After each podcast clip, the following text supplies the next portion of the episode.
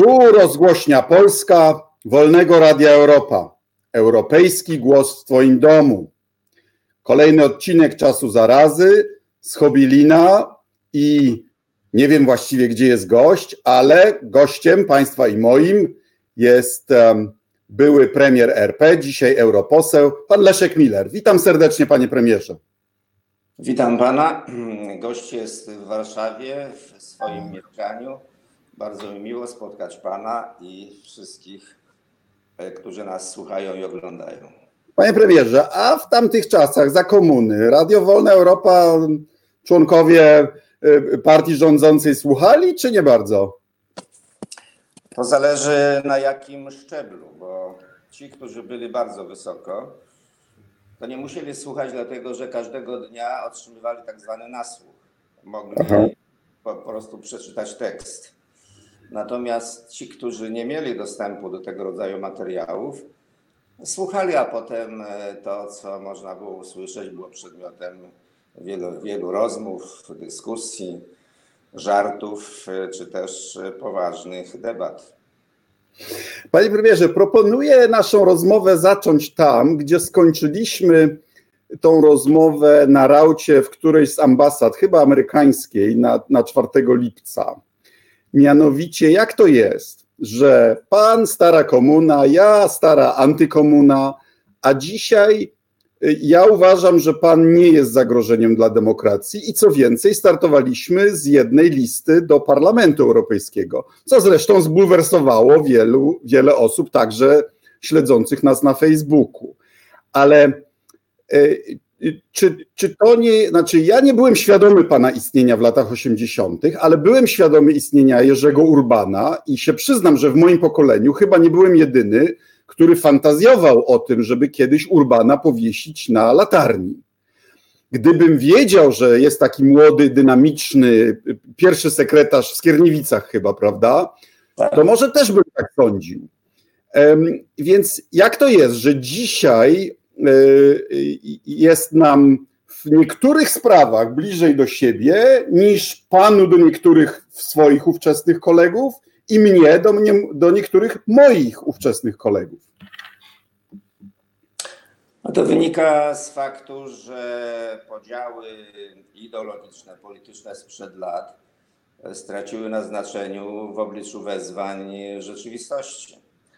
Ja zresztą e, miałem podobne mm, impresje wtedy, mm, kiedy po raz pierwszy na mm, obradach Okrągłego Stołu w czasie pierwszego posiedzenia e, miałem okazję zobaczyć, a potem rozmawiać e, z liderami ówczesnej opozycji solidarnościowej, od Lecha Wałęsy poczynając.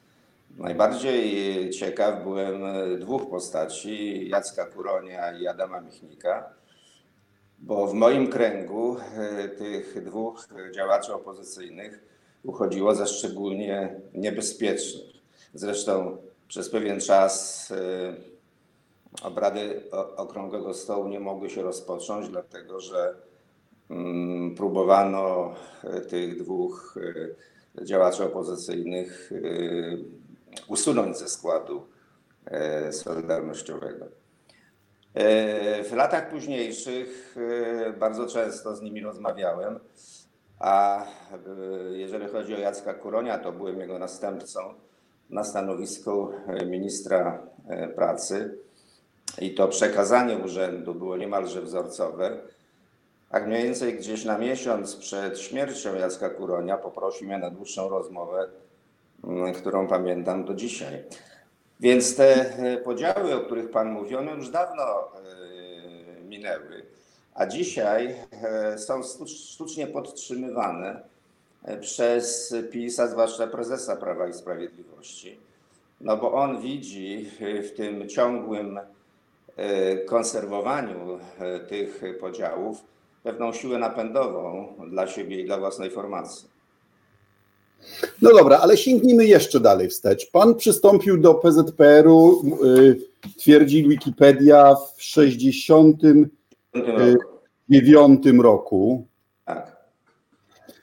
No, rok po antysemickiej czystce w PZPR-ze. Ładnie to tak? Prawnukowi żydowskiego krawca? nie wiem, czy z tym żydowskim krawcem to... No tak mówi Wikipedia, to musi być prawda. No wie pan, ja, ja mam problem ojca, dlatego że ja tej rodziny w ogóle nie znam i nie znałem, albowiem mój ojciec niestety porzucił e, nas, to znaczy moją mamę i mnie, kiedy ja, ja byłem e, półrocznym e, niemowlakiem niemalże i potem już nigdy ojca nie spotkałem. Znam dobrze rodzinę swojej mamy, no bo ta rodzina mnie w dużej części wychowywała. Ale wracam do Pana pytania. Wie Pan, mnie te wydarzenia całkowicie ominęły, dlatego że 68 rok to ja byłem e, w służbie polskiej marynarki wojennej i pływałem na okrętach. podwodnej. Pływałem na okrętach podwodnych i te wydarzenia mnie w ogóle nie dotyczyły. A w moim e, mieście rodzinnym, w zakładach przemysłu uniarskiego w Żyroldowie i w ogóle w moim mieście problem antysemityzmu nie istniał. Mnie zresztą e, często wspomnieni już przeze mnie Adam Michnik i inni działacze e, opozycyjni o to pytali. Jak na przykład taki chłopak z nizi społecznych, jakim ja wtedy byłem w tamtych latach, traktował antysemityzm, czy się z tym spotykał i tak dalej, i tak dalej. Więc muszę panu powiedzieć, że nie, nie spotykałem się oprócz jednego elementu, mianowicie kiedy już byłem nastoletnim chłopcem i e, szukałem czegoś na strychu moich dziadków e, e, na podwarszawskiej wsi, to trafiłem na bardzo porządnie oprawione roczniki rycerza niepokalanego. Wiadomo, czym był wtedy ten periodyk, ten tygodnik. I mnie to specjalnie nie zdziwiło, dlatego że ja się wychowywałem w bardzo katolickiej wiejskiej rodzinie, gdzie katolicyzm był dosyć obrzędowy, ale bardzo silny. I no, Wikipedia, Wikipedia twierdzi, że był pan ministrantem, to prawda? Tak, oczywiście byłem ministrantem, bo to było marzenie mojej mamy i wszystkich moich ciotek. Zobaczyć mnie służącego do mszy w żyrardowskim kościele. I ja to marzenie spełniłem. Mm, I kiedy odbywałem pierwszą posługę ministrancką, to cała moja rodzina, co ciekawe, żeńska, bo moi wujowie nie byli tym przejęci, ale cała linia żeńska e, przyszła do kościoła i z dumą obserwowała e, małego Lesia, który służył do mszy świętej.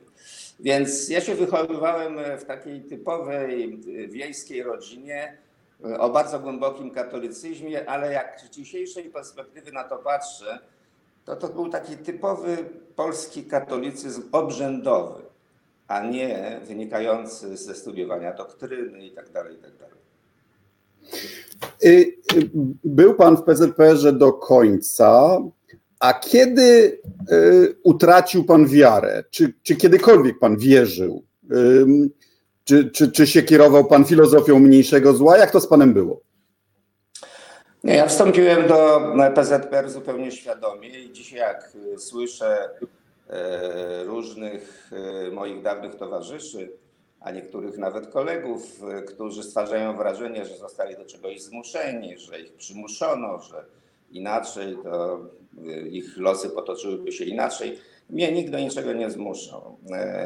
Ja wstąpiłem działając wcześniej w Związku Młodzieży Socjalistycznej. E, I e, e, uważałem, że dla takich chłopaków jak ja, to ówczesny ustrój daje olbrzymią szansę rozwoju. Można łatwo zdobyć wykształcenie, praca czekała, E, sprawy socjalno-bytowe nie wyglądały najgorzej. Dla mnie to był autentyczny awans. I dopiero później, mm, kiedy już e, byłem działaczem wyższego szczebla, to zacząłem sobie zdawać sprawę, że podstawowy problem dla realnego socjalizmu, jak to się wtedy nazywało, jest to, że on nie może wygrać e, gospodarczej rywalizacji z gospodarką rynkową. To znaczy, ponieważ jest. Kiedy, kiedy mniej więcej pan zdał z tego sprawę, że system jest niewydolny gospodarczo i przegrywa rywalizację z, z wolnym rynkiem? Wie pan, ja pracowałem 10 lat e, w dużym e, zakładzie przemysłowym. Najpierw jako elektryk. Jak pan wie, zawód elektryka w polskiej polityce odgrywa istotną rolę. E, a potem jako działacz, najpierw właśnie ZMS-owski, partyjny. Jak widziałem, jak te mechanizmy funkcjonują, jak my nie możemy jako zakład przemysłowy rozwinać, rozwijać pełnej pełnych możliwości, jak jesteśmy krępowani, jak e, niezliczona sprawozdawczość i takie sterowanie z centrali nas krępuje, to pomyślałem sobie, że jeżeli to tak się wszędzie odbywa, to w sytuacji, gdzie mechanizmy, mechanizmy rynkowe e, i innowacyjność e, rządzą inną gospodarką, tą za Odry, to socjalizm prędzej czy później przegra. I potem starałem się wiązać z tymi grupami w partii, które myślały podobnie. A wtedy takim e, centrum mm, takiej jakby reformatorskiej myśli to był oczywiście tygodnik Polityka prowadzony przez e, Mieczysława Rakowskiego.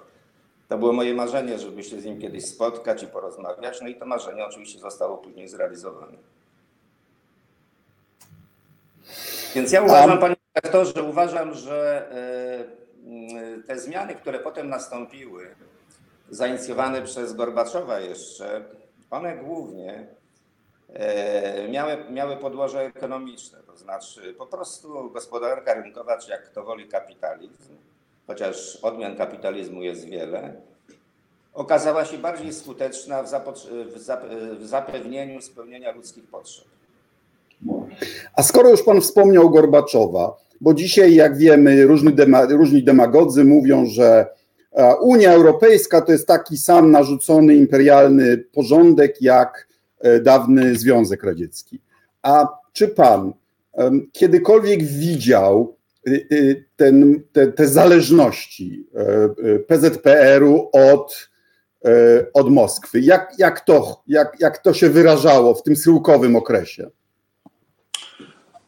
E, no, e, ta działalność była e, powiedzmy silnie koordynowana, ale Polska i PZPR miała inne prawa. To znaczy tutaj zawsze było wolno znacznie więcej niż na przykład w NRD. W, no, byliśmy weselszym, wes, najweselszym barakiem w obozie, prawda? Tak, ale to też się przekładało na to, że My mieliśmy jakby znacznie szerszy margines swobodny, jednak w Warszawie można było bez jakiejś wielkiej zwłoki obejrzeć najnowsze filmy, które wchodziły na ekrany kin zachodnich. Mieliśmy dostęp do literatury e, zupełnie otwartej. Mm, więc można powiedzieć, ja zresztą potem e, rozmawiałem z niektórymi działaczami z Czechosłowacji czy, czy ze Związku Radzieckiego, którzy mi mówili, że oni specjalnie uczyli się polskiego, żeby na przykład czytać polską prasę, taką politykę czy inne y, tygodniki. Y, więc Polska była częścią Układu Warszawskiego i obozu radzieckiego, ale z dużym marginesem swobody. Natomiast czy radzieccy interweniowali? No oczywiście, najbardziej oczywiście w okresie stalinowskim. Potem e, było nieco e, swobodnie, ale opowiem, opowiem panu anegdotę, która mi się wydaje bardzo znamienna, a opowiadał mi e, świadek tych wydarzeń, mianowicie Andrzej Werbel. Otóż kiedy w październiku 56 Gomułka dochodził do władzy, przyjechał tutaj Chruszczow ze swoją ekipą, albowiem Gomułka mu się nie podobał i chciał tę rzecz zablokować. I w Belwederze w nocy odbyło się spotkanie wybranego już kierownictwa na czele z Gomułką i Chruszczowa ze swoimi ludźmi. I w pewnym momencie Gomułka dostał, e, dostał e, karteczkę, przeczytał tą karteczkę i mówi do Chruszczowa, towarzyszu Chruszczow, zatrzymajcie te wasze czołgi, które idą na Warszawę, bo jak nie zatrzymacie, to ja będę musiał przerwać nasze spotkanie i wrócić do e, KC, żeby zastanowić się, co zrobimy, jak te wasze czołgi już przyjdą. Na to Chruszczow się zmieszał i mówi do Rokosowskiego, towarzyszu Rokosowski, to za, zatrzymajcie te czołgi. A Gomułka, wow. mówi, a Gomułka mówi, towarzyszu Chruszczow, towarzysz Rokosowski jest polskim ministrem obrony narodowej i ja jestem upoważniony do wydawania mu poleceń. A poza tym to są wasze czołgi, a nie nasze. Chruszczow jeszcze bardziej zdenerwowany mówi do któregoś ze swoich generałów, mówi zatrzymajcie te czołgi. A patrząc zimno na Gomułkę, wysyczał, no mówi, ja nie wiedziałem, że wy jesteście takim pedantem. Rokosowski zresztą w Polsce uważany za Rosjanina, a w Rosji za Polaka, prawda? Tak, I miał ciągle, miał to, był, autor jednej, jednego z największych zwycięstw w II wojnie światowej, operacji Bagration, czyli tak, zdobycia. Tak, on, miał, on miał ciągle kłopoty w Związku Radzieckim, bo był uważany był, za Polaka. Zresztą przecież y, został. Był w Gułagu zresztą, prawda? Został wtrącony do Gułagu, cała jego rodzina y, też. I y, opowiadała mi prawnuczka Rokosowskiego, że y, po wyleczeniu Rokosowski został wezwany do Stalina, ubrał się, dostał nowy generalski mundur, no i wszedł do Stalina, poczęstował go Stalin herbatą, mówi towarzyszu Rokosowski, a gdzie byście byli, bo dawno was nie widziałem. A Rokosowski mówi, towarzyszu Stalin, rąbałem drewno w Tajdze. A Stalin mówi, no wiecie co, tu trzeba z Niemcami walczyć, a wy sobie pojechaliście i rąbiecie drewno. Poczucie humoru takie, takie zbóje. No czasami było, było, było nad Ale zresztą Rokosowski się postawił Stalinowi, niebywałe. Stalin chciał uderzać przez Ukrainę, a on się uparł, y, że przez Białoruś. Ale. E, on, y, to jeszcze tylko jedno słowo. Otóż on miał bardzo dobrą opinię u żołnierzy, bo on w przeciwieństwie do Żukowa nie szafował krwią y, żołnierską. Był bardzo inteligentny i taki go, tak go zachowano w pamięci. Wikipedia podaje, że, że y, y, stał się pan członkiem Politbiura w lipcu 89 roku. Nie trochę późno? No bardzo późno. Na pół roku przed rozwiązaniem. Wtedy, kiedy Rakowski został ostatnim pierwszym sekretarzem, ja właściwie zająłem taką mocną pozycję po to, żeby razem z kolegami rozwiązać PZPR i przygotować Y, do tworzenia jakiejś nowej y, formacji, więc... Ale uchodził pan wtedy za beton, za, za, za tych, którzy, jeden z, za tego, który nie przeprasza za komunę, który, który bierze to na twardo. No bo tak uważałem, no wie pan, y, przepraszać, no. Nie, niektórym przychodzi to przepraszanie bardzo łatwo i nie przywiązują specjalnie do tego, do, do tego uwagi. No. E, ja e, byłem przekonany, że za mojego życia e, nie nastąpi zmiana ustroju. Chyba, że w warunkach konfliktu jądrowego, czyli III wojny światowej. Nawiasem mówiąc, kiedyś na ten temat rozmawiałem ze Zbigniewem Brzezińskim, który mm, był twórcą takiej, a w każdym razie orędownikiem koncepcji konwergencji jak pan pamięta. Czyli mm, takiego ustroju, który by wziął co dobre z socjalizmu i co dobre z kapitalizmu. I y, wielokrotnie z nim rozmawiałem i on też powiedział mi, że to, co się potem stało, ten, to gwałtowne przyspieszenie i tak dalej, i tak dalej, jego też zaskoczyło. Więc ja byłem przekonany, że dożyję w warunkach y, rywalizacji dwóch wielkich bloków, które stoją naprzeciw siebie które nie napadną na siebie być może, a być może napadną. I w związku z tym trzeba poruszać się w tych warunkach ustrojowych, które są. No a potem, kiedy się okazało, że po okrągłym stole można dokonać zmian, no to, e, no to byłem wśród tych, którzy chcieli to zrobić. E, a no to no jest pan były członek Politbiura, nie przeprasza za komunę, ale za którego byłego członka PZPR-u, który do dzisiaj funkcjonuje w polityce, najbardziej się pan wstydzi? No jak mogliście taką kanalię jak Piotrowicza przyjąć do partii na przykład? No, wyjął mi pan to to nazwisko. Wie pan, e, ja lubię ludzi, którzy e, bronią swoich poglądów, zachowują się porządnie, można się z nimi spierać. Zresztą uważam, że w polityce najbardziej niebezpieczny jest brak poglądów i takich ludzi w, w obecnej polityce nie brakuje. Ale ci, którzy bronią swojego zdania, okej, okay, każdy ma coś w głowie innego i można wtedy dyskutować i tak dalej. Jak dzisiaj widzę e, ludzi, którzy się po prostu wygłupiają, którzy zapominają swoich życiorysów, którzy e, w, w, w, w szeregach PiSu są pierwsi w wytykaniu, w łapaniu innych e, swoich towarzyszy, to ja po prostu czuję obrzydzenie. Który jeszcze poza Piotrowiczem panu podpadł? Panie ministrze, pozwoli pan, że nie będę wymieniał dalszych nazwisk. No Jan, Jan, Jan Pietrzak dla mnie jest e, e, dzisiaj bardzo narodowy, przyzna pan. No tak, oczywiście, że tak. Ci ludzie są, żyją. Nie wiem, czy mają poczucie śmieszności, e, czy nie, no ale są na pierwszym. Kiedyś byli na pierwszym froncie ideologicznym, dzisiaj są też na pierwszym froncie ideologicznym, tylko już w innych barwach. A może oni zawsze byli antykomunistami, tylko próbowali partię rozsadzić od wewnątrz, bo wie pan, ja mam czasami takie wrażenie, że cała komuna była zarządzana przez antykomunistów. No tak, można tak pomyśleć oczywiście, że tak było. Że tak było. No to ci ludzie się umiejętnie maskowali, taką mieli skłonność czy umiejętność yy, Y, bycia kameleonami. No i udało im się, co tu dużo mówić. Wtedy im się udawało i teraz też mi się udaje. Pamięta pan Kaczyńskiego z e, Okrągłego Stołu? Nie bardzo, dlatego że mm, Kaczyński y, głównie bywał w Magdalence, e, a ja do Magdalenki nie jeździłem. Ja byłem przy tym. Mówimy o Lechu, prawda? Lech. Jarosław chyba nie bywał w Magdalence. Jarosław nie bywał, Lech bywał.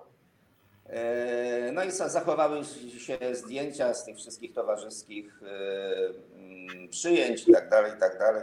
Więc ja w ogóle Kaczyńskich znam słabo, przy czym lepiej poznałem Lecha Kaczyńskiego, e, bo tu panu przypomnę, lecieliśmy jednym samolotem na zaprzysiężenie prezydenta Janukowycza. Zgadza się.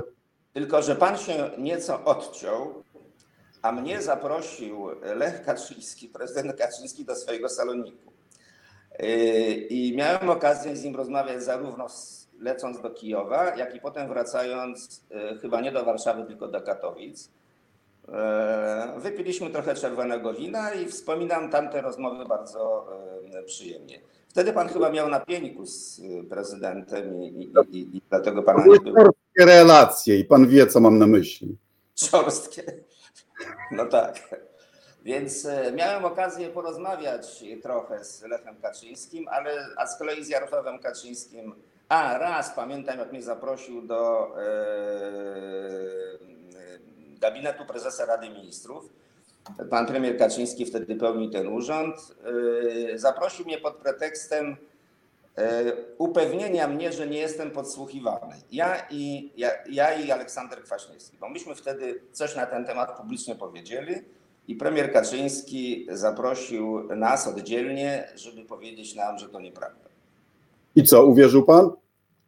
Powiedziałem e, panu mm, premierowi Kaczyńskiemu, że e, na jego miejscu nie wypowiadałbym się tak kategorycznie, bo prezes Rady Ministrów nadzoruje tylko część struktur państwa, którzy mają prawo podsłuchiwania e, i inwigilacji i, i, lepiej nie wypowiadać się kategorycznie za wszystkich. No a, a Kwaśniewskiego dzisiaj sami się pochwalili, że go podsłuchiwali, bo przecież wywalili do domeny publicznej e, jego rozmowy, prawda?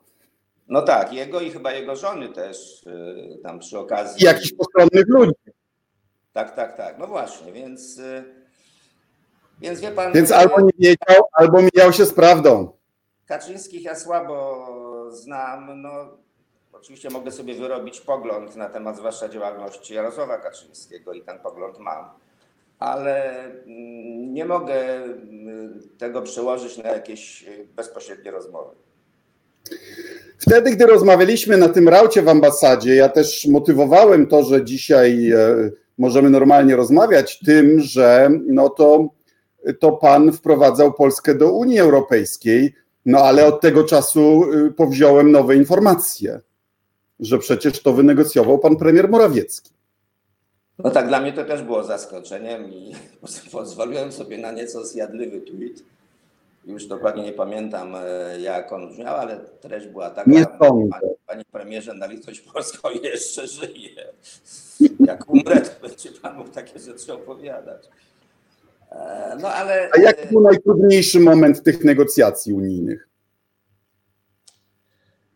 Wie pan, e, według mnie to było zakończenie negocjacji w Kopenhadze w 2002 roku, w grudniu, 13 grudnia, dlatego że Nasza delegacja była jedyną, która pojechała negocjować, a wszyscy inni uznali, że sprawy są rozstrzygnięte i że wystarczy zrobić sobie foto i pójść na obiad do królowej. e, i podsumować ten radosny dzień. Więc e, my negocjowaliśmy cały dzień, praktycznie rzecz biorąc. Przez nas e, uroczysty obiad u królowej się nie odbył. Ja miałem potem okazję przeprosić ją królewską mość.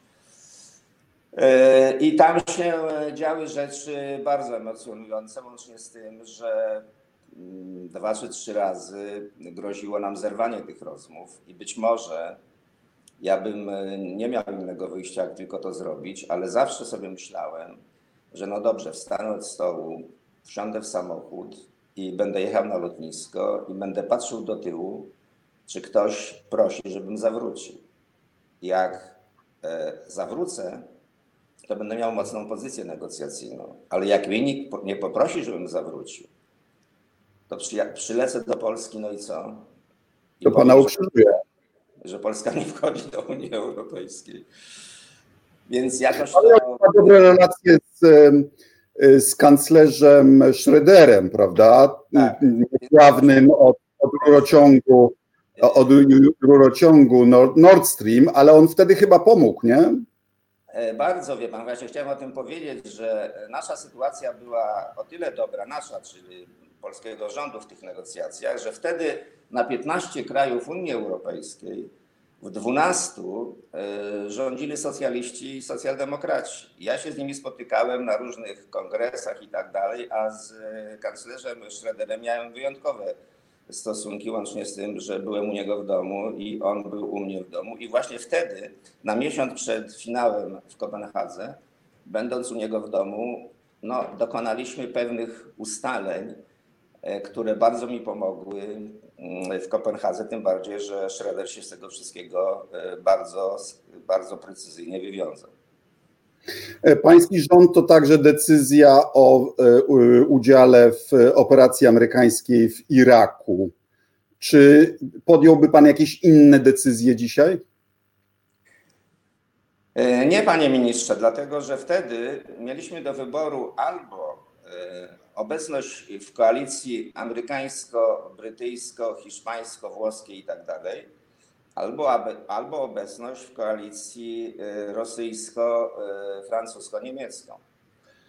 I ja przy całej sympatii dla Schrödera y, no, musiałem stanąć gdzie indziej, ze świadomością, że tu jest nasze miejsce. Tym bardziej, że byliśmy jeszcze świeżo pod wrażeniem tego, co się stało 11 września w Stanach Zjednoczonych.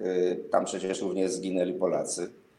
I uważałem, że mm, skoro jest montowana taka koalicja dwudziestu kilku państw, to Polska musi być po tej e, stronie. Nawiasem mówiąc, kiedyś zapytałem Schrödera, dlaczego e, on wtedy się nie przyłączył.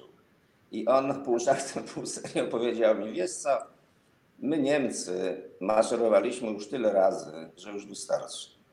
Mhm.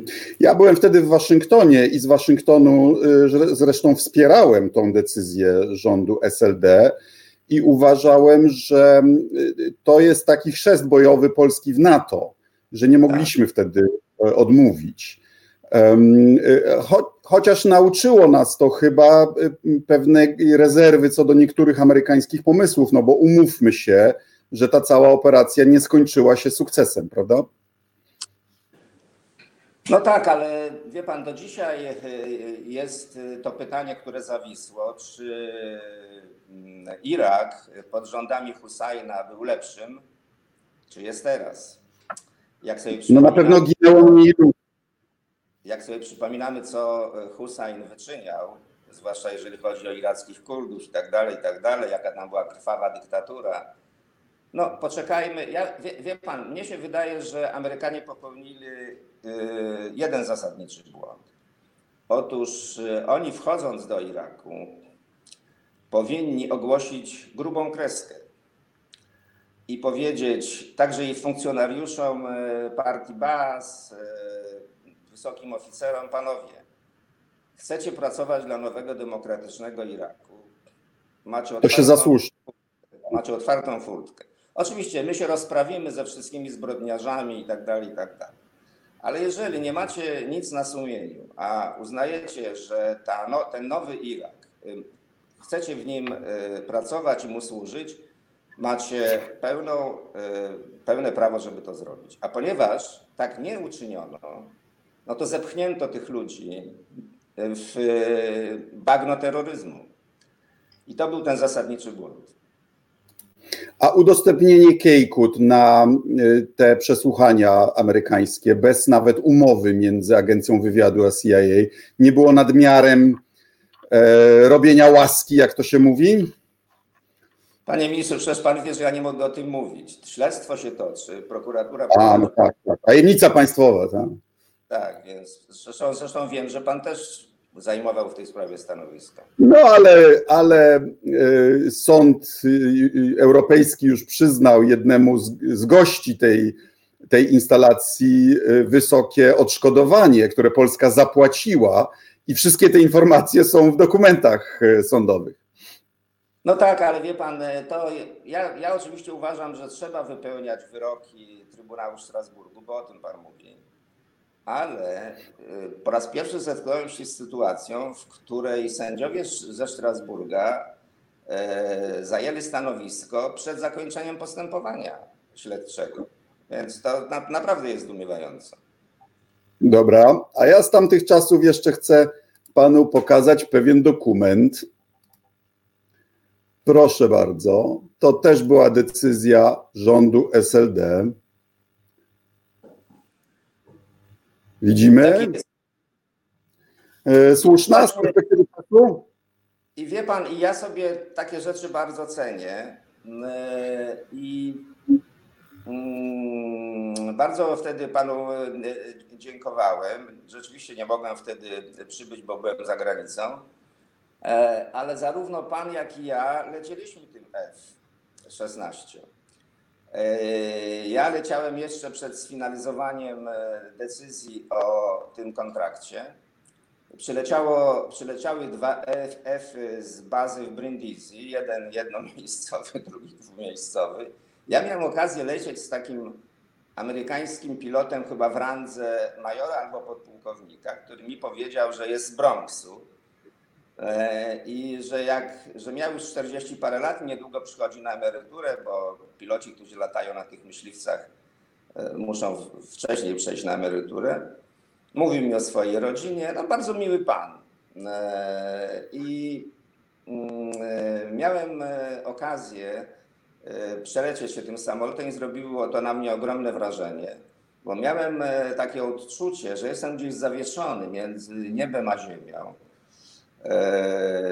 pilot mnie zapytał, czy chciałbym przeżyć jakieś przeciążenie, no więc zaczęliśmy od jednego G, a potem przy, potem przy 3G pomyślałem sobie, ja się tu za chwilę po prostu wykończę i kiedy mnie zapytał, czy może bardziej jeszcze, powiedziałem, nie, nie, dziękuję bardzo, już nie będziemy. A ja, do, a ja przekroczyłem 7G i to było bardzo nieprzyjemne, bo większość ludzi myśli, że te przeciążenia są przy przy starcie takim bardzo tak. E, ostrym, a one są na wirażach.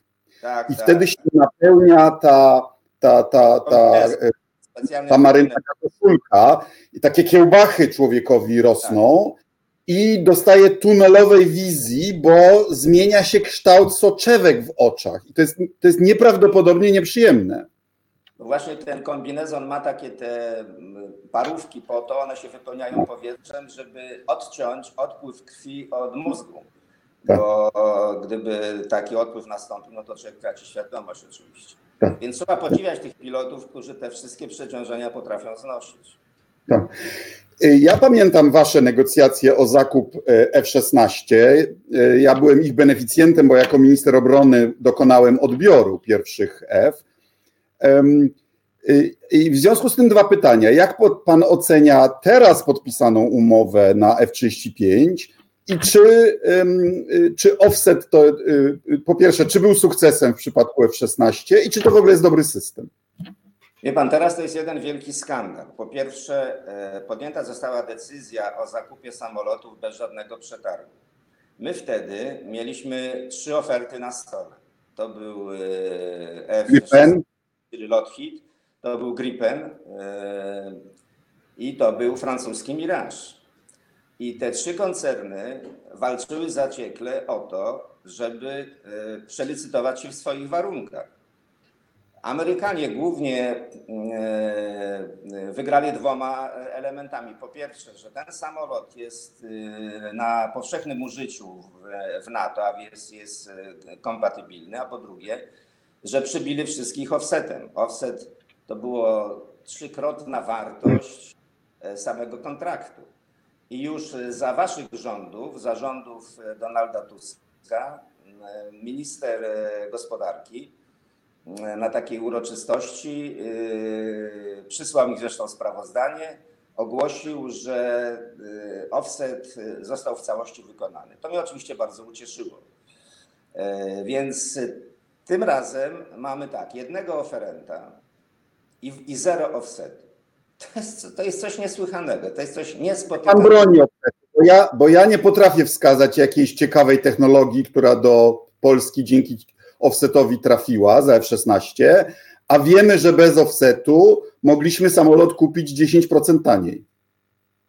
E, chyba tak nie było. E, natomiast wie pan, no cała tak zwana dolina lotnicza na Podkarpaciu e, to jest między innymi efekt tych różnych umów e, polsko-amerykańskich, bo to nie było tak, że wie pan, że to rządy realizowały. To były E, zakłady, zakład, zakład, uczelnia, uczelnia i tak dalej, i tak dalej. W Bydgoszczy chyba też coś, e, jakiś temat był. No, to jest dwa, e, ma, no ale nie, niesatysfakcjonujące kontrakty. Wszyscy stosują offset i tym razem też powinien być zastosowany. Nawiasem mówiąc, ja ciągle czytam, że wojska amerykańskie ma mnóstwo zastrzeżeń do tego F-35 Y, że tam jest wiele usterek, że są systemy jeszcze niesprawdzone i tak dalej, i tak dalej. Więc różnie to pewnie będzie w przyszłości. E, a proszę powiedzieć, e, jak pan teraz wspomina politykę socjalną swojego rządu? Bo ja, jako gospodarczy liberał, e, zgadzałem się z tym, że o ile pamiętam, to pan wprowadził ryczałt za wynajem mieszkań bo to ucywilizowało ten rynek. I czy dobrze pamiętam, że to pański rząd wprowadził ryczałt dla samozatrudnionych? To znaczy 19% podatek tak, dla samozatrudnionych. Tak jest. I, i, I, obniżyliśmy bardzo wyraźnie e, podatek CIT z 27% też do 19%. Czyli można powiedzieć, że wprowadziliśmy taki para podatek e, liniowy E, który okazał się bardzo dobrym rozwiązaniem, bo na przykład w pierwszym roku funkcjonowania tego obniżonego CIT-u w kasie państwa z tego podatku było 3 miliardy złotych więcej, a nie mniej. Więcej. No i, i, i z podziemia wyszedł cały też rynek wynajmu mieszkań, prawda? Tak, to jak również na przykład obniżyliśmy, obniżyliśmy akcyzę E, na paliwa i też nagle się okazało, przepraszam, nie na paliwa, na alkohol. I nagle się okazało, że bimbrownie na Podlasiu upadły, bo nie opłacało się ryzykować. Tak? No dobra, to jako socjaldemokracja wprowadziliście elementy zachęcające dla biznesu. Rozumiem, że w duchu takich skandynawskich rozwiązań, że jesteśmy probiznesowi, a jednocześnie prosocjalni, tak? Ale tych prosocjalnych chyba zabrakło, bo, jed, bo czy nie ma pan takiej refleksji, że, że odsłoniliście lewą flankę i zostaliście oskrzydleni na lewicy przez narodowych socjalistów? Wie pan, myśmy po prostu nie mieli pieniędzy, dlatego że obejmowaliśmy władzę w, sytuacji tak zwanej dziury, dziury, budżetowej Bałca mieliśmy zerowy wzrost e, PKB i najpierw e, musieliśmy e, jakby poruszyć koło zamachowe gospodarki. Ówczesny wicepremier Marek Belka miał taki projekt 1,35, to znaczy 1% wzrostu w pierwszym roku rządzenia, 3% w drugim i 5% w trzecim i to zostało zrealizowane. I dopiero wtedy, kiedy gospodarka weszła na poziom 3% PKB, to zaczęły płynąć pieniądze na cele społeczne i na cele e, socjalne. No ale my, cała moja ekipa wtedy mówiliśmy tak, e, żeby wydawać, trzeba zarobić. Więc najpierw musimy zarobić, a potem będziemy sprawiedliwie e, wydawać. No, oczywiście nie mieliśmy też pieniędzy z Unii Europejskiej. Dzisiaj sytuacja jest diametralnie inna bo od 1 maja 2004 roku, od daty wejścia Polski do Unii Europejskiej, Polska na czysto już po potrąceniu składki dostała jakieś 120 miliardów euro. To są potężne pieniądze, y, które są zabezpieczeniem na te rozmaite cele socjalne. Ale wtedy była sytuacja bardzo dramatyczna i no nie mogliśmy e, uruchomić ani 500, plus, ani 13 emerytury i tak dalej, i tak dalej. No, sytuacja była zupełnie odmienna od tej, która w tej chwili jest. A co pan odpowie panu Marcinowi Strońskiemu? A propos, proszę państwa, zachęcam do zadawania pytań. Jakie było za pańskich czasów bezrobocie i czy to wy wprowadziliście te umowy śmieciowe? Nie, wy, wy, wy, umowy śmieciowe były przed nami, natomiast bez, bezrobocie było wysokie. E, dlatego właśnie, że mieliśmy gospodarkę w strasznym stanie i e, e, dopiero potem, ta, to bez, jak gospodarka ruszyła, to i bezrobocie było mniejsze. Ale tak nawiasem mówiąc, gdyby dzisiaj wrócili wszyscy ci, którzy pracują za granicą, to mielibyśmy bezrobocie również wysokie. Proszę pamiętać, że gdzieś około 3 milionów ludzi pracuje za granicą. Wtedy y, nie byliśmy członkiem Unii Europejskiej. Polacy nie mogli podejmować y, pracy tak powszechnie jak, jak dzisiaj, więc również i ten element trzeba wziąć pod uwagę. No a ta wolność pracowania w innych krajach y, europejskich to jest per saldo z punktu widzenia mm, już tych 15 lat naszego członkostwa. Rzecz dobra czy wątpliwa? No bo okej, okay, ludzie sobie zarobili, ale, ale mm, a, mm, wiele rodzin się rozpadło, wyjechało wielu lekarzy, specjalistów. Okej, okay, indywidualnie więcej zarabiają, trudno im zabronić. Ale, ale per saldo, czy to jest dobre, że wyje, Polacy wyjeżdżają na zachód, a do nas przyjeżdżają Ukraińcy i inni i stajemy się taką przepompownią ludzi? Panie ministrze, przede wszystkim jest to prawo. E, prawo. Ja wiem, ja nie kwestionuję, tylko no, ma swoje e, plusy dodatnie i plusy ujemne, jak mawia klasyk, prawda? Ale chciałem, chciałem o tym powiedzieć, dlatego że swobodne e, osiedlenie się, czy miejsce pracy, czy miejsce nauki i tak dalej, to gwarantuje nam Unia Europejska. I nie jest winą Unii, że od nas ludzie wyjeżdżają zawsze y, trzeba zadać sobie pytanie, a co robi y, y, centralny rząd, co robią inne władze naszego kraju, żeby stworzyć konkurencyjne warunki. I nie zawsze tu tylko chodzi o pieniądze. Tu często chodzi o mitręgę biurokratyczną, o rozmaite układziki, o to, że nie kwalifikacje się liczą, a przynależność partyjna. I ludzie często mają dosyć, machają ręką i mówią, sytuacja jest nie do wytrzymania, wyjeżdżam. Więc ja zresztą jestem, jak pan wie, zapewne zwolennikiem pogłębienia integracji europejskiej.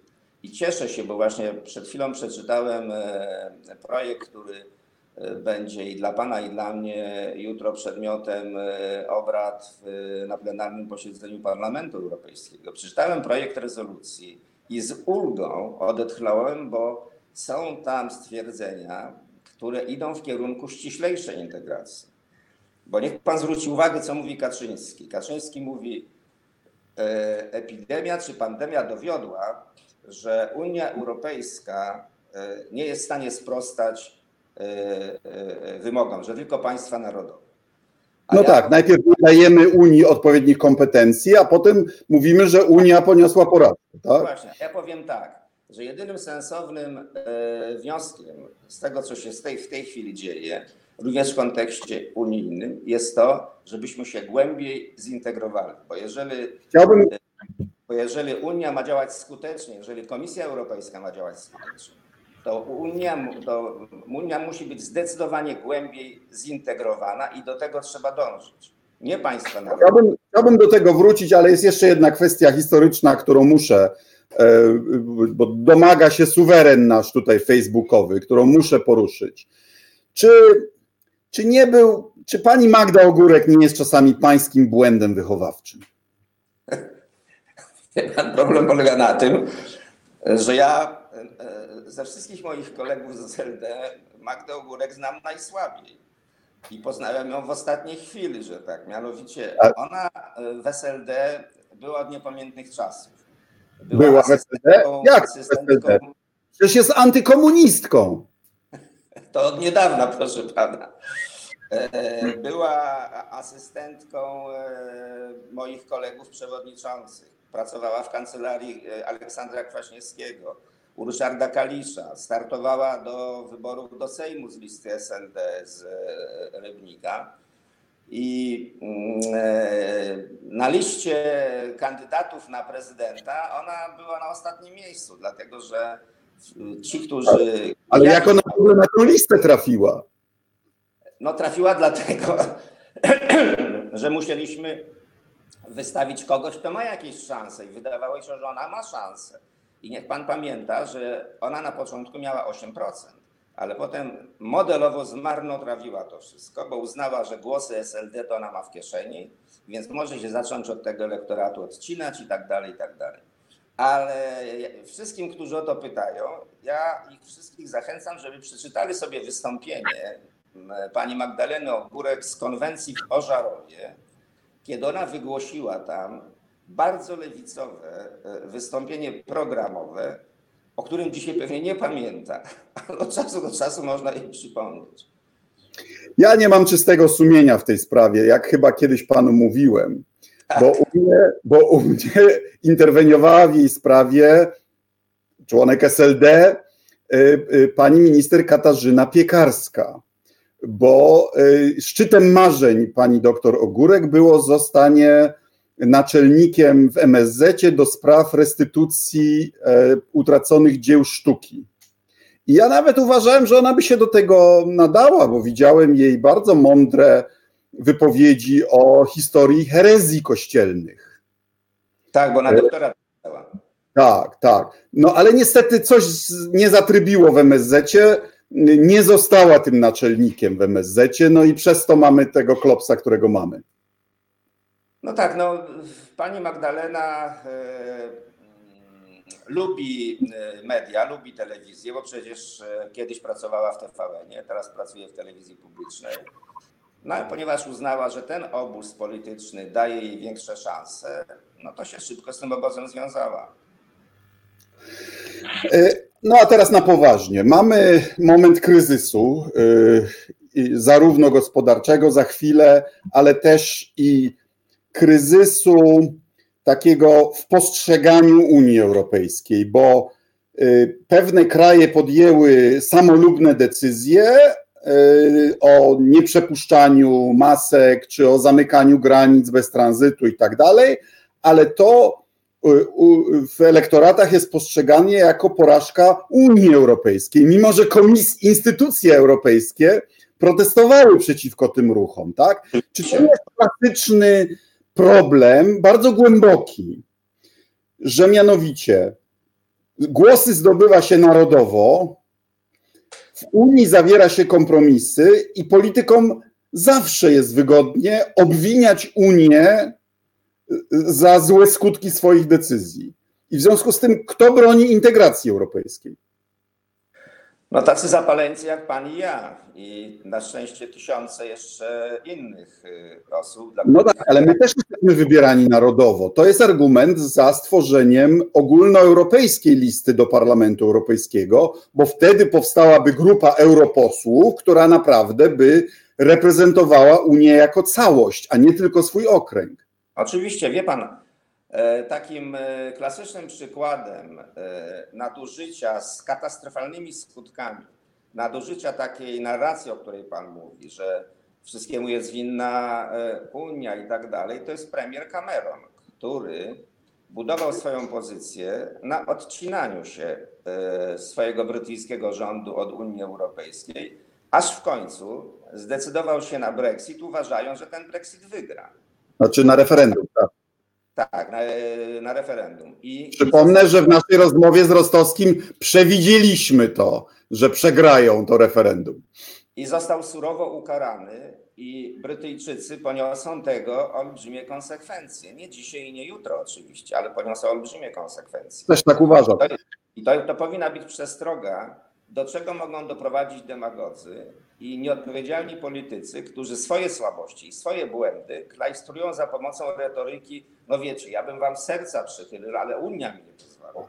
A co pan sądzi o tej metodzie y, stosowanej w Polsce, że mianowicie Unia to są nadal jacyś oni, mimo że Tusk już nie jest przewodniczącym Rady, a w Radzie jej członkiem jest Morawiecki i Wojciechowski jest komisarzem, czyli zarówno w komisji, jak i w Radzie, w dwóch najważniejszych instytucjach, w parlamencie też mają olbrzymią reprezentację, y, to PiS współrządzi Unią Europejską, a nie jacyś oni. No bo kto rządzi Unią, jeśli nie komisja i Rada? Oczywiście, wie pan. Zresztą ja pamiętam, jak zawsze y, się zrzymałem, kiedy słyszałem, że kiedy jeszcze Donald Tusk był przewodniczącym Rady Europejskiej, jak otrzymywał tutaj cięgi, że on nic nie załatwia dla Polski, że przecież powinien być, czuć się reprezentantem Polski i tak dalej, i tak dalej. I to pokazywało, jak mechanizmy unijne są słabo znane elitom rządowym, bo Donald Tusk nie był przedstawicielem Polski w Radzie Europejskiej, tylko tym przedstawicielem był premier, czyli Mateusz Morawiecki. Y, no ale cały czas to powtarzamy, prawda? I teraz też oczywiście traktuje się tą Unię, jakby to była jakaś y, y, zewnętrzna struktura, jakiś zewnętrzny podmiot, jakbyśmy nie byli w środku. I to jest robione według mnie celowo, dlatego że obowiązuje ta właśnie retoryka. My byśmy zrobili nie wiadomo co, znacznie więcej, tylko jesteśmy y, pętani, kneblowani przez niedobrą y, Brukselę, przez niedobrą Unię y, Europejską. No i państwo narodowe przede wszystkim, państwa narodowe przede wszystkim. I ta właśnie tragedia potwierdza, że państwa narodowe jest dokładnie odwrotnie.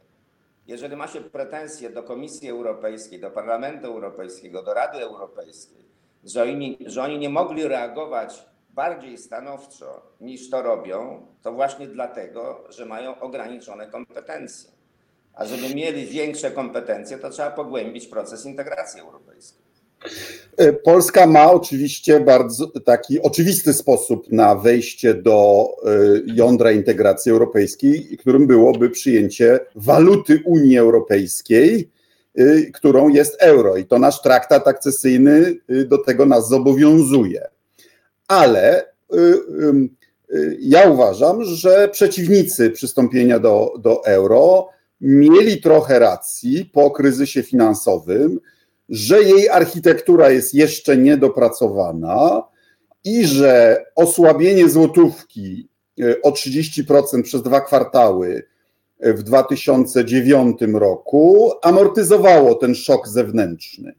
Więc tu argumenty ekonomiczne były na dwie strony, ale wydaje mi się, że teraz, jeśli Komisja Europejska i Grupa Euro tworzy zarówno w sensie płynności, jak i w sensie faktycznych pieniędzy, tak zwaną wielką bazukę, która przekroczy 4 biliony euro, czyli przekroczy 4 tysiące miliardów euro, czyli 16 tysięcy miliardów złotych. To czy argument się nie odwraca? Czy nie, nie jest większym ryzykiem nie mieć dostępu do tych pieniędzy? Bo y, nasi rządzący mówią, a my też poluzowujemy, będzie 300 miliardów złotych. No ale co to jest 300 miliardów złotych w porównaniu z tym, co robi strefa euro? Podzielam Pana pogląd. Te ponad 4 biliony euro to jest 40-letni y, polski budżet. To jest taka 40-letni polski budżet. Tak, 40-letni polski budżet. I e, niestety my w tym nie będziemy uczestniczyć, bo to jest e, propozycja Europejskiego Banku E, tylko dla strefy euro. E, co oczywiście nie oznacza, że my w innych programach nie będziemy mogli uczestniczyć. Oczywiście, że będziemy mogli, ale akurat w tym nie. I to pokaże, i to pokaże dobitnie, ile tracimy, nie wchodząc do strefy euro. Tak na marginesie, wie pan. Wchodziliśmy w gronie 10 krajów 1 maja 2004 e, roku. Tylko 3 z tych 10 nie są w euro. To znaczy Polska, E, Węgrzy i Czechy. Pozostałe siedem już dawno jest w euro i to takie maluchy jak e, trzy państwa e, bałtyckie. I one na tym będą korzystać, a my nie. Nawiasem mówiąc, to, może, to pewnie nie jest dobrze widziane przez premiera Kaczyńskiego, ale pierwszym politykiem, E, który dosyć precyzyjnie wypowiedział się na temat procesu wchodzenia do euro i nawet określił daty, datę, to jest pani Zyta Gilowska, e, która będąc ministrem finansów i wicepremierem w rządzie Kaczyńskiego określiła ten e, termin chyba na 2008 czy na 2009 rok. Dobry, to był dobry rząd, byłem jego członkiem. To gratuluję. Wie pan, szkoda, że tak się stało, jak się stało, bo e, pani premier Gilowska była e, autentycznym, miałem okazję z nią kiedyś rozmawiać, była autentycznie przekonana, że musimy wejść do euro. Jedynym problemem, oprócz oczywiście kryteriów konwergencji, które musieliśmy spełnić, wejścia do strefy ERM2, co najmniej na dwa lata, no to był kurs, po jakim byśmy wchodzili, prawda? Ale kurs jest negocjowalny. E, potem było coraz gorzej, no a teraz to już w ogóle nikt o tym nie myśli. Tusk też, też ogłosił, że wejdziemy, już teraz nie pamiętam w którym roku, ale zrobił to dosłownie miesiąc przed czy po Lehman Brothers. I nasz problem był taki, że nagle poparcie społeczne nam się zawaliło z 80% na 30%. Y, to już było niewykonalne politycznie. Teraz chyba jest jeszcze mniej, jeżeli chodzi o poparcie dla e, euro, no ale e, obecne elity rządzące wszystko robią, żeby obrzydzić e, euro. No ciekaw jestem, co powiedzą, jak się okaże, że strefa euro stanie na nogi i to bardzo szybko. No bo przecież te 4 biliony euro to jest tak jakby nowy plan Marszala. Nawiasem mówiąc. Nie, no to jest kilka, to jest wielokrotnie więcej niż plan Marszala. Niech pan zwróci uwagę, że E, to jest jakby drugi plan Marszala. Pierwszy plan Marszala ominął nas nie z naszej winy, a drugi plan Marszala ominie nas już całkowicie z własnej winy. O, I to tak się właśnie y, kończą romantyczne uniesienia i polityczne przesądy, a nie twarda ekonomiczna, y, twardy ekonomiczny rachunek. Za, to, bo to są skomplikowane rzeczy. Ja na spotkaniach z wyborcami tłumaczę sprawę euro w ten sposób, że jeśli e, wejdziemy, to będzie oznaczało, że wszystkie państwa pensje, emerytury i kredyty zostaną pewnego dnia przewalutowane na euro. I to oznacza, że od tego momentu, czy to mając kredyt na firmę, czy na mieszkanie, czy na samochód, będziemy spłacać ten kredyt według stawek euro. Czyli znacznie niższych, w okolicach 1%, jednocześnie nie ponosząc ryzyka kursowego z, te, z tym związanego, tak jak dzisiaj, no bo nasze przychody też będą w euro. I że to jest taki element elementarnej też y, uczciwej konkurencji. No jeżeli nasz konkurent gospodarczy za Odry ma kapitał za 1%, a polski przedsiębiorca musi płacić 6 czy 8%, no to jest znacznie trudniej konkurować, prawda? No oczywiście, że tak. Już nie mówiąc o tym, że ci, którzy eksportują, oni przecież muszą za każdym razem zastanawiać się nad wahaniami kursowymi, tak? Czyli muszą uwzględniać, jaki będzie kurs nie dzisiaj, tylko na przykład za pół roku, za, rok. E, mogą się pomylić, a czasami tego rodzaju pomyłki są bardzo kosztowne. Ale jeśli obracają się w strefie euro, to żadnego ryzyka kursowego nie ma. Z tego punktu widzenia patrząc, sytuacja jest o wiele lepsza niż y, ta złotówka, która, której przecież kurs dzisiaj jest chyba, nie wiem, 4,5 albo 4,6 y, jedno euro, więc widać jak ten kurs się zmienia co chwilę. A przechodząc do spraw y, zupełnie bieżących, jeśli ma Pan jeszcze chwilę czasu, gdy Pan obserwuje działania rządu, z Pańskiego doświadczenia jako premiera, czy robiłby Pan coś inaczej w walce z wirusem niż robi to obecny rząd? Tak, e, wie Pan, starałbym się przeprowadzić znacznie więcej testów, uznając, że każdy, kto ma, e, kto wykonuje jakieś swoje mm, e, czynności publiczne czy zawodowe, kto prowadzi jakiś pojazd, autobus, e, tramwaj, kto pracuje w sklepie, kto wypełnia jakąś funkcję na poczcie i tak dalej, i tak. Każdy, kto ma kontakt z innymi ludźmi, musi przynajmniej raz w tygodniu poddać się testowi. To jest jedna grupa. No oczywiście przede wszystkim cały personel medyczny. E, I druga grupa to są ci, którzy przebywają na kwarantannach, dlatego że tam jest dużo potencjalnych zarażeń. I wreszcie każdy, kto chce i czuje się e, w jakiś sposób nieswojo i tak dalej, i tak dalej, również powinien się poddać testowi. Czyli jednym słowem, negatywny e, rezultat testu jest świadectwem dopuszczającym do pracy. Chyba i bo wie pan, y, ja zauważyłem w ostatnich dniach bardzo niepokojącą tendencję, mianowicie spada liczba testów. Oczywiście proporcjonalnie spada liczba zakażeń. I tak się zaczynam zastanawiać, czy tu nie chodzi o to, że zbliża się 10 maja. I y, czy nie chodzi o to, żeby pokazać y, społeczeństwu, że sytuacja się szybko normalizuje i wybory są bezpieczne. Otóż żongla, żonglerka te, te, te, tą statystyką i tak dalej jest czymś haniebnym, jeżeli tak jest oczywiście.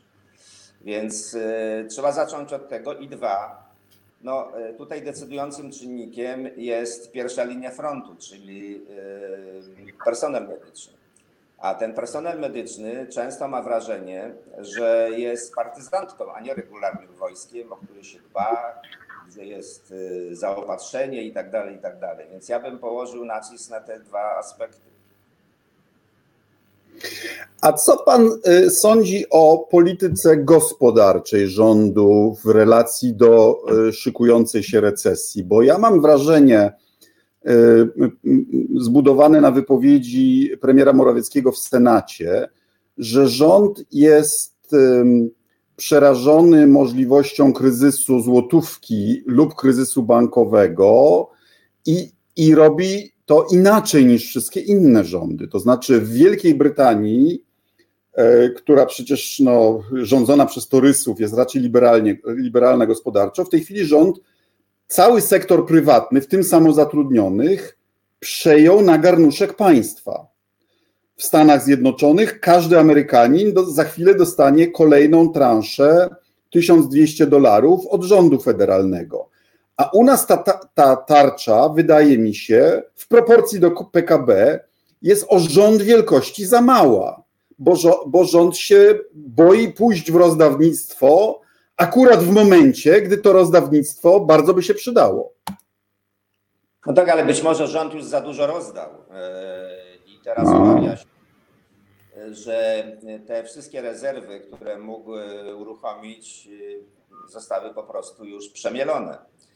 Z drugiej strony. No dobra, rezerwy rezerwami, ale chwila moment. Polska ma stosunkowo niskie zadłużenie w proporcji do PKB. Chciałem, o tym powiedzieć, że z drugiej strony my nie jesteśmy w jakiejś tragicznej sytuacji z uwagi na to, że jednak e, dług publiczny, deficyt i tak dalej wyglądają przyzwoicie, więc e, jeśli słyszał Pan zapewne słowa e, pana Glapińskiego, który mówi, że mamy pieniędzy, możemy zasypać w ogóle pieniędzmi i tak dalej. No, technicznie rzecz biorąc, to prawda, bo on może dodrukować tyle, ile, tyle ile, ile trzeba. Ja myślę, I może właśnie to powinien robić. To ja myślę, że oni mają to na uwadze, że oni po prostu uruchomią te maszyny drukarskie i te y, złotówki będą drukowane. Y, I to może zwiększyć popyt i można jakoś z tego wyjść. Więc ja tutaj nie, nie patrzę aż tak bardzo tragicznie na sytuację w Polsce. Ona może być lepsza niż przypuszczamy, tylko dzisiaj głównym problemem jest długa droga od decyzji do realizacji. No co z tego, że weszły w życie e, kolejne ustawy. Jak ja się pytam znajomych e, przedsiębiorców, zwłaszcza tych małych, czy te pieniądze już do nich trafiły, czy te rozporządzenia już tam odraczania do, dotyczące chociażby odraczania tych składek ZUS-owskich i tak dalej, to oni mówią, że nic jeszcze nie dostali. No ja rozmawiałem z księgową, która powiedziała, że sprawa jest dość prosta. To znaczy, że ta ulga polega na tym, że można ZUS-u nie płacić. No jeżeli to jest tak, to okej. Okay. Tylko, że no. to nie uratuje firmę przed upadkiem, bo co z tego, że nie musi ZUS-u płacić, jak musi płacić e, wszystkie inne koszty, które w innych krajach zostały przejęte przez państwo. A mi się bardzo podoba to, co się dzieje w Niemczech w tej chwili, bo moi koledzy, którzy tam są e, zatrudnieni, mówią mi, że e, od decyzji o tym, że na przykład każdy z nich może otrzymać do 16 tysięcy euro, od decyzji ogłoszonej, do pierwszych pieniędzy, które trafiły na ich konta, minęły trzy dni. No to jest imponujący wynik, prawda? Czy wiemy o jakichkolwiek pieniądzach, które do kogokolwiek na razie trafiły? Myślę, że polscy przedsiębiorcy tego oczekują. Masz dostać pieniądze, to nie czekasz miesiąc, tylko tydzień. Yy, możesz nie płacić składki ZUS-owskiej, to dowiadujesz się o tym nie miesiąc, tylko tydzień, tak? Już nie mówię trzy dni, a niech będzie tydzień. I mhm. tutaj jest pies pogrzebany, bo ta polska biurokracja jest strasznie ociężała i w takich sytuacjach kryzysowych ona jest kulą u nogi niestety. Odda pan głos w wyborach prezydenckich? Proszę pana, dzisiaj jestem zdecydowany, żeby nie wziąć udziału w wyborach, y, bo nie uważam ich za wybory. Y, dlatego, że y, wybory to nie jest tylko dzień wyborów. To jest kampania wyborcza, i pewność, że wybory są bezpośrednie, tajne, e, równe i tak dalej, i tak dalej, to co gwarantuje e, konstytucja. A one nie są równe, dlatego że jest jeden kandydat, który prowadzi kampanię wyborczą, inni tego nie robią. One nie są bezpośrednie, bo między mną a urną jest urząd e, pocztowy i one nie są tajne, bo ja nie wiem, co się stanie z moją kartą do głosowania, nim ona e, gdzieś tam zostanie e, e, wliczona. I w dodatku jeszcze nie ma żadnej kampanii wyborczej, więc to nie są wybory, a ja w udawanych wyborach nie chcę brać udziału. Jakie miałby Pan rady dla liderów lewicy dzisiaj? Nie, nie mam żadnych, dlatego że ja z doświadczenia wiem, że takie, wie pan, doradzanie wywołuje irytację. Więc niech postępują tak, jak uważają za, za właściwe. Jak oczywiście ktoś mnie zapyta, to dyskretnie to przekażę, ale proszę pozwolić mi, że nie będę publicznie się wypowiadał. Co pana zaskoczyło na plus albo na minus w Parlamencie Europejskim? Na plus e, nieograniczone źródła zdobywania wiedzy i informacji. To jest rzeczywiście kopalnia, która mm, jest bezkresna i można przeżywać tam e, bardzo intelektualne przygody. A na minus mm, procedury, które wydają mi się zbyt skomplikowane, zbyt sztywne i mm, godzące w taką indywidualną potrzebę każdego parlamentarzysty do jakichś własnych, niekoniecznie konsultowanych inicjatyw. Panie premierze, wiemy od pana, po czym się poznaje prawdziwego mężczyznę. Więc jak chce pan skończyć naszą rozmowę? Wie pan, ja to słynne zdanie zmodyfikowałem. I y, nowa wersja brzmi tak: prawdziwy mężczyzna nigdy nie kończy.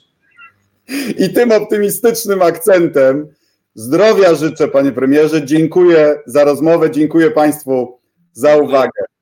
Dziękuję, do zobaczenia. To była rozgłośnia Polska Wolnego Radia Europa, europejski głos w swoim domu. Jeśli się Państwu podobało, proszę o lajkowanie, szerowanie. Można nas obejrzeć także w programie Twitter oraz na YouTubie. Dziękuję bardzo i zapraszam do kolejnego odcinka.